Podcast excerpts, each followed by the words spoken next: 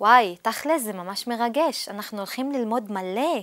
בחצי הראשון של הקורס אנחנו נתמקד בעולם הפועל, שהוא באמת ציר מאוד מרכזי, שברגע שמכירים אותו, אפשר פשוט לעשות הרבה הרבה יותר עם השפה.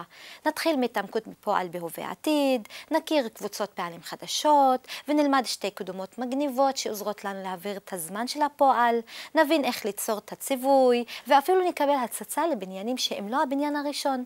אחר כך נזכר במה שלמדנו על הפועל בעבר בקורס המתחילים, ונלמד איך להטות את כל קבוצות הפועל בעבר. אם אתם לא מהאנשים שההטיות של פעלים גורמות להם לקפוץ בהתרגשות, כל זה אולי נשמע לכם טיפה כבד.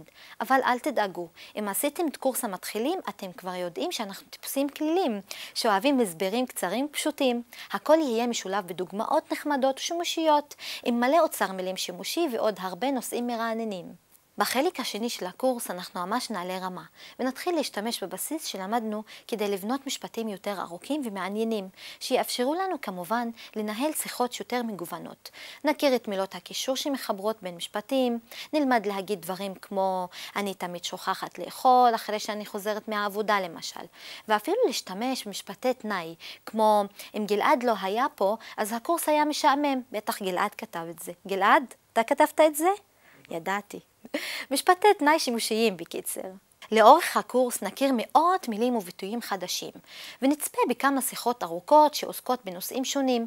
חוץ מזה, יהיו לנו עוד סצנות קטנות שמפוזרות לאורך השיעורים, וכמובן, הרבה תרגילים ומשחקים לתרגול. אז סיימו את שיעור המבוא הזה עם עוד כמה טיפים והכוונות לאיך ללמוד בקורס, ותתחילו. יאללה, נבדה.